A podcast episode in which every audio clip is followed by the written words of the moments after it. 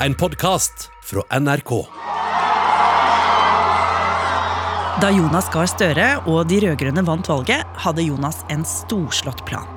Skape en helt ny rød-grønn flertallsregjering. Det ser ut til at det blir flertall for Arbeiderpartiet, Senterpartiet og SV. Vår plan A! Og mange trodde at dette snart ville være i boks. Men plutselig, denne uka, kom beskjeden. Det er brudd i regjeringssonderingene som de siste dagene har pågått i Hurdal. SV forlater samtalene. Jonas Gahr Støres plan A om en rød-grønn flertallsregjering ble knust. Og kommentatorene kaller det som skjedde, et betydelig politisk nederlag. Dette har vært en dårlig dag på jobben for eh, Jonas Gahr Støre. Det er en dramatisk dag i norsk politikk. Hva var det som gikk galt? Og hva skjer videre nå? Oppdatert. Jeg heter Ragna Nordenborg. Mats Rønning, du er politisk journalist i NRK. For bare drøye to uker siden så sto en letta og glad Jonas Gahr Støre på scenen i Folkets hus.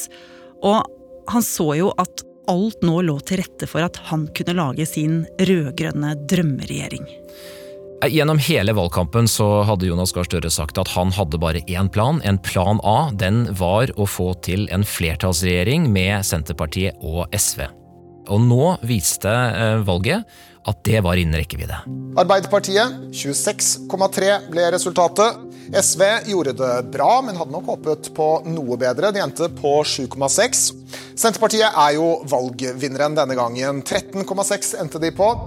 Så disse tre de fikk flertall.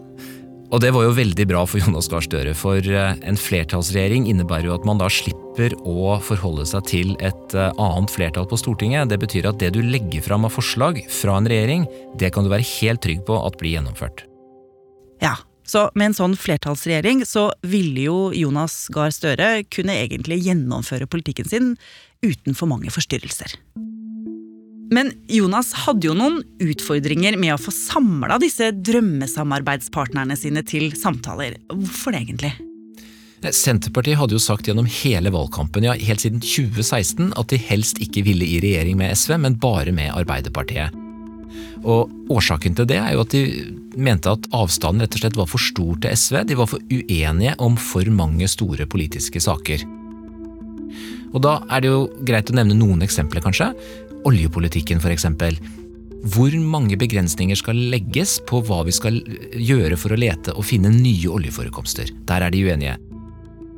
Hvor mange ulver det skal være i naturen, hvor mange naturvernområder man skal ha, hva slags skattepolitikk som skal føres, kort sagt en lang rekke store politiske saker, og derfor måtte Støre prøve å skape tillit ved å få dem til å sette seg ned med seg hver for seg, og så snakke med dem og prøve å overbevise dem om at de hadde noe felles. Først inviterte han Trygve Slagsvold Vedum fra Senterpartiet på middag i huset sitt på Ris i Oslo. Og utenfor sto journalister og fotografer på lur. Skal du møte Støre nå i kveld? Jeg kan vel si såpass, for dere kommer sikkert til å henge på uansett. Så da, da, da, jeg skal møte Jonas Maja. Og morgenen etter fikk Audun Lysbakken fra SV komme på kaffe og hjemmelaget solbærsyltetøy. Hyggeligere, hyggeligere eh, frokostgjest går det kan an å få. Det er det virkelig politiske innholdet i å si. Så dette var jo veldig nervepirrende fra aller første stund. For ville Støre klare å få disse sta politikerne fra SV og Senterpartiet til å snakke sammen? Men så kom gjennombruddet. Ja, eh, jeg har fått eh, tilbakemelding fra Senterpartiet, som dere, om at de ønsker å takke ja til forslaget om å sette seg ned med sonderinger med sikte på å avklare om vi kan forhandle om en flertallsregjering. Nei, Dette var et stort øyeblikk for Jonas Gahr Støre. På landsstyremøtet dagen etter så ble han jo hylla som en konge i Folkets hus, for nå hadde han klart det mange trodde han ikke ville kunne klare, nemlig å samle Senterpartiet og SV til eh, samtaler om en ny flertallsregjering. Så Jonas var i sitt ess den dagen. Men som vi hører her, det skulle sonderes. Var det egentlig Jonas sin plan? Nei, det var jo ikke det. Han ville gå rett til forhandlinger. Altså forpliktende, reelle forhandlinger der det blir skrevet referat om en regjeringsplattform sammen med Senterpartiet og SV. SV ville også forhandle de, men Senterpartiet de ønska å gå en omvei om noe som kalles sonderinger, som kan beskrives som kanskje sånne forberedende samtaler da, til forhandlinger. Så det er mindre forpliktende. Men de var nå i hvert fall i gang. De booka Hurdalssjøen hotell, pakka kofferter og reiste av gårde. Og torsdag 23. september møtte Jonas Gahr Støre, Trygve Slagsvold Vedum og Audun Lysbakken pressen foran hotellet. Og stemningen virka temmelig god. Det får du si, Jonas. Det vil ikke gå ut Altså, jeg, la meg si det like ut. Trygve Slagsvold Vedum ble til her. Ikke her, men i nærområdet. Og du var jo der ute, Mats. Hvordan foregikk disse sonderingene, egentlig? Nei, det gikk rett ned i kjelleren, for å si det bokstavelig talt. Og så satt de seg i et møterom, seks mennesker.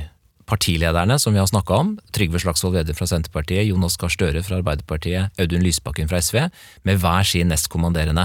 Og så satt de seg rundt det bordet og snakka seg gjennom sakene. De sakene de var enige om, og de de var uenige om. Men vi i pressen vi satt jo et helt annet sted og ante jo ikke hva de konkret snakka om, så vår jobb handla jo om å prøve å få ut informasjon fra andre som kjente til samtalene underveis og mens de pågikk. Mm. For dette er hemmelige greier. Og såpass hemmelig var det jo at det var satt opp sperrebånd og ingen adgangsskilt i de områdene av hotellet hvor folk snakka sammen. Og partitoppene ble jo også anbefalt å la mobiler og PC-er ble liggende igjen utenfor samtalerommet. Det er jo ikke nok med det, for når sonderingen hadde pågått et par dager, så ble vi kasta ut av selve hotellet også, og henvist til et eh, anneks litt på utsiden hvor vi kunne eh, sitte, så da hadde de hele det hotellet for seg sjøl. Og så ble det jo da å prøve å ta bilder inn gjennom disse persiennene som man har sett mange ganger eh, i pressen, og prøve å finne ut av hva det er som foregår bak stengte dører.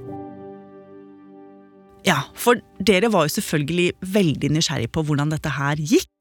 Klarte Jonas Gahr Støre å få disse tre partiene til å etter hvert komme fram til noe felles? Hva skjønte du av det som foregikk? Nei, Vi snakker jo med folk som kjenner til det som foregår bak disse dørene, da. Men eh, i utgangspunktet så må vi også prøve å bruke øyne og ører og tolke det vi ser. Og dagen etter oppstarten så var det en betydelig mer alvorlig og, og litt sur Trygve Slagsvold Vedum som møtte pressen. Vi la oss, bet oss merke i at han kom etter de to andre også ut til dette pressemøtet som ble holdt i regnværet rett ved inngangen, og dro av sted i bilen sin. Så da var vi litt usikre. Gjennom helga så fikk vi andre signaler fra Senterpartiet. Da var det mer eh, munter stemning igjen. Og når mandagen tok til, så tenkte vi jo at så lenge de fortsatt sitter sammen, så må jo det være et godt tegn at ingen har brutt. Og, og derfor så tenkte vi jo at det kanskje var riktig det Jonas Gahr Støre hele tiden sa, at stemninga var god inne i det rommet. Og nå begynte jo flere på utsida å tro at dette her kunne Støre klare. Flere nettaviser tilbød Lag din egen statsrådskabal, der man kunne plukke politikere fra alle de tre partiene. Og leste man politiske kommentarer, så kunne man se ekspertene spå f.eks. SVs Audun Lysbakken som kunnskapsminister, og kanskje Senterpartiets Kjersti Toppe som helseminister. Og Mats, vi fikk jo et inntrykk av at alle de tre partiene skulle sitte i samme regjering veldig snart. Var det også ditt inntrykk? Ja, såpass ærlig må jeg være. Jeg trodde at dette skulle gå veien for Jonas Gahr Støre. Når de hadde sittet sammen i sonderinger så lenge som de hadde, så trodde jeg det skulle gli over i forhandlinger. Og når de først gikk i forhandlinger, så er forståelsen at da blir man enige, for da har man skjønt at man kan komme over disse store uenighetene. Men eh, jeg har kolleger som eh, var mye mer i tvil, og som eh, syntes de så tegn til splittelse på mandagen, fordi Arbeiderpartiet og Senterpartiet spiste middag sammen, og de var tilsynelatende mye mer utvungne i møte med pressen enn det SV var. Og skeptikerne fikk rett. For onsdag denne uken kom sjokkbeskjeden. Ja, um vi er altså nå uh, ved et punkt som jeg hadde håpet vi uh, ikke skulle komme til. Og det er med stor uh, skuffelse at vi må erkjenne at det etter SV sitt syn ikke er eh, politisk grunnlag for å danne en rød-grønn regjering. SV-leder Audun Lysbakken hadde altså bestemt seg. SV var ute. Og med det var Jonas Gahr Støres drøm om en ny rød-grønn flertallsregjering knust. Vår klare oppfatning eh, er at om vi hadde gått med på en regjeringsplattform på det grunnlaget, så ville vi eh, skuffe mennesker som er opptatt av å få forskjellene ned, mennesker som er opptatt av klima og natur. Og at vi rett og slett kan få til mer for de som har stemt på oss, få til mer for disse sakene i opposisjon enn eh, som det minste partiet i en trepartiregjering. Hva var det egentlig som hadde gått gærent her, Mats? Det er flere ting å trekke fram. Det viktigste er vel kanskje at avstanden politisk rett og slett var for stor. Det var det SV sa selv. Ikke bare når det gjaldt oljepolitikk, men også på de andre politikkområdene som vi har vært innom. Så klarte de rett og slett ikke å få vilja si i møte med Arbeiderpartiet og Senterpartiet. I tillegg så er det jo blitt klart at det var noe ved selve prosessen som var vanskelig for SV, for Senterpartiet hadde klart å overbevise Arbeiderpartiet om at hvis de først skulle sette seg til sonderingsbordet, så måtte noen grensestolper vært slått ned. Altså, Det framsto nesten som ultimatumer fra Senterpartiets side, hit, men ikke lenger. Og Det gjorde jo at SV følte at de ikke klarte å få bevega de to andre partiene på viktige områder. Så SV og Arbeiderpartiet hadde jo egentlig lyst til å starte forhandlingene med blanke ark, men Senterpartiet hadde jo da kladda litt på papirlappen på forhånd. Men SV hadde jo gått til valg på å forhandle om regjering med Arbeiderpartiet og Senterpartiet. Og de hadde jo dessuten sittet i samme regjering før. Så er det ikke litt rart at de bare da trakk seg, i stedet for å få i alle fall litt innflytelse? Jo, men fra SVs perspektiv så står mye på spill også for dem. Fordi valget hadde jo sendt Rødt inn på Stortinget med en svær gruppe. I tillegg så har vi tre representanter fra Miljøpartiet De Grønne, som i klimapolitikken er mer radikale enn SV. Så Det betyr jo at hvis de hadde sittet i en regjering og fått på plass kompromisser, så hadde de hatt to små partier som ankelbitere til venstre for seg på Stortinget. Og når eh, Lysbakken konstaterte at han ikke kom i mål på de viktigste sakene, så tenkte han at risikoen er større enn eh, mulighetene. Jeg trekker meg. Og med Audun Lysbakken ute av dansen, så lurte jo alle på hva skjer nå?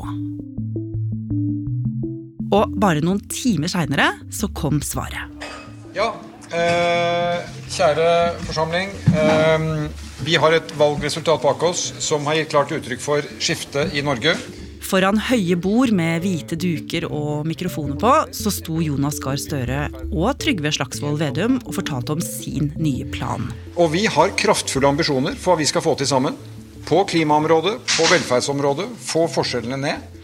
Nå var de to, Arbeiderpartiet og Senterpartiet, som skulle starte å forhandle om en ny regjering. Kunne du ha strukket deg lenger for å fått SV med i regjering? Jeg mener vi gjorde mye for å avklare hvor det politiske mulighetsrommet lå.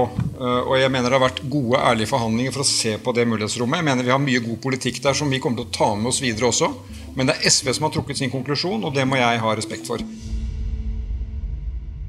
Så hva skjer egentlig nå, Mats? Nei, Nå sitter Arbeiderpartiet og Senterpartiet på det samme hotellet som SV også var en del av, og prøver å forhandle fram da, en regjeringsplattform.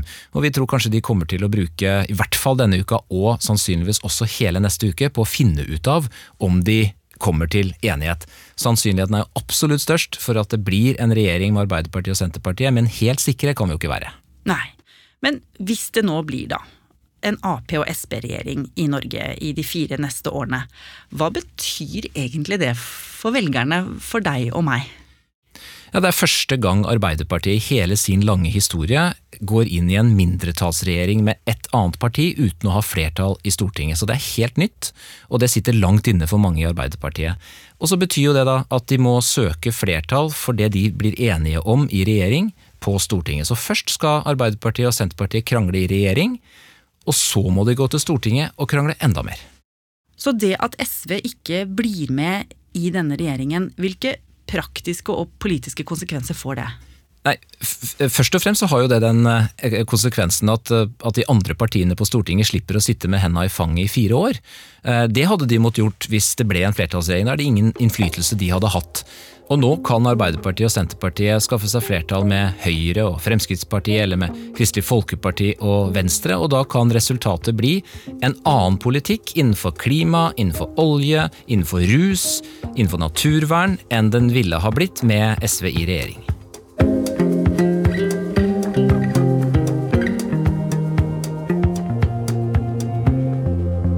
Har du lyst til å bli fast lytter av oss i Oppdatert og få påminnelse om nye episoder, er det bare å følge oss i NRK radioappen. Og så er det veldig hyggelig hvis du vil anbefale oss til en venn. Oppdatert er en podkast fra NRK Nyheter, og denne episoden er laget av Irina Kjelle, Mariann Strand, Pål Gauslå Sivertsen, Andreas Berge og meg, Ragna Nordenborg.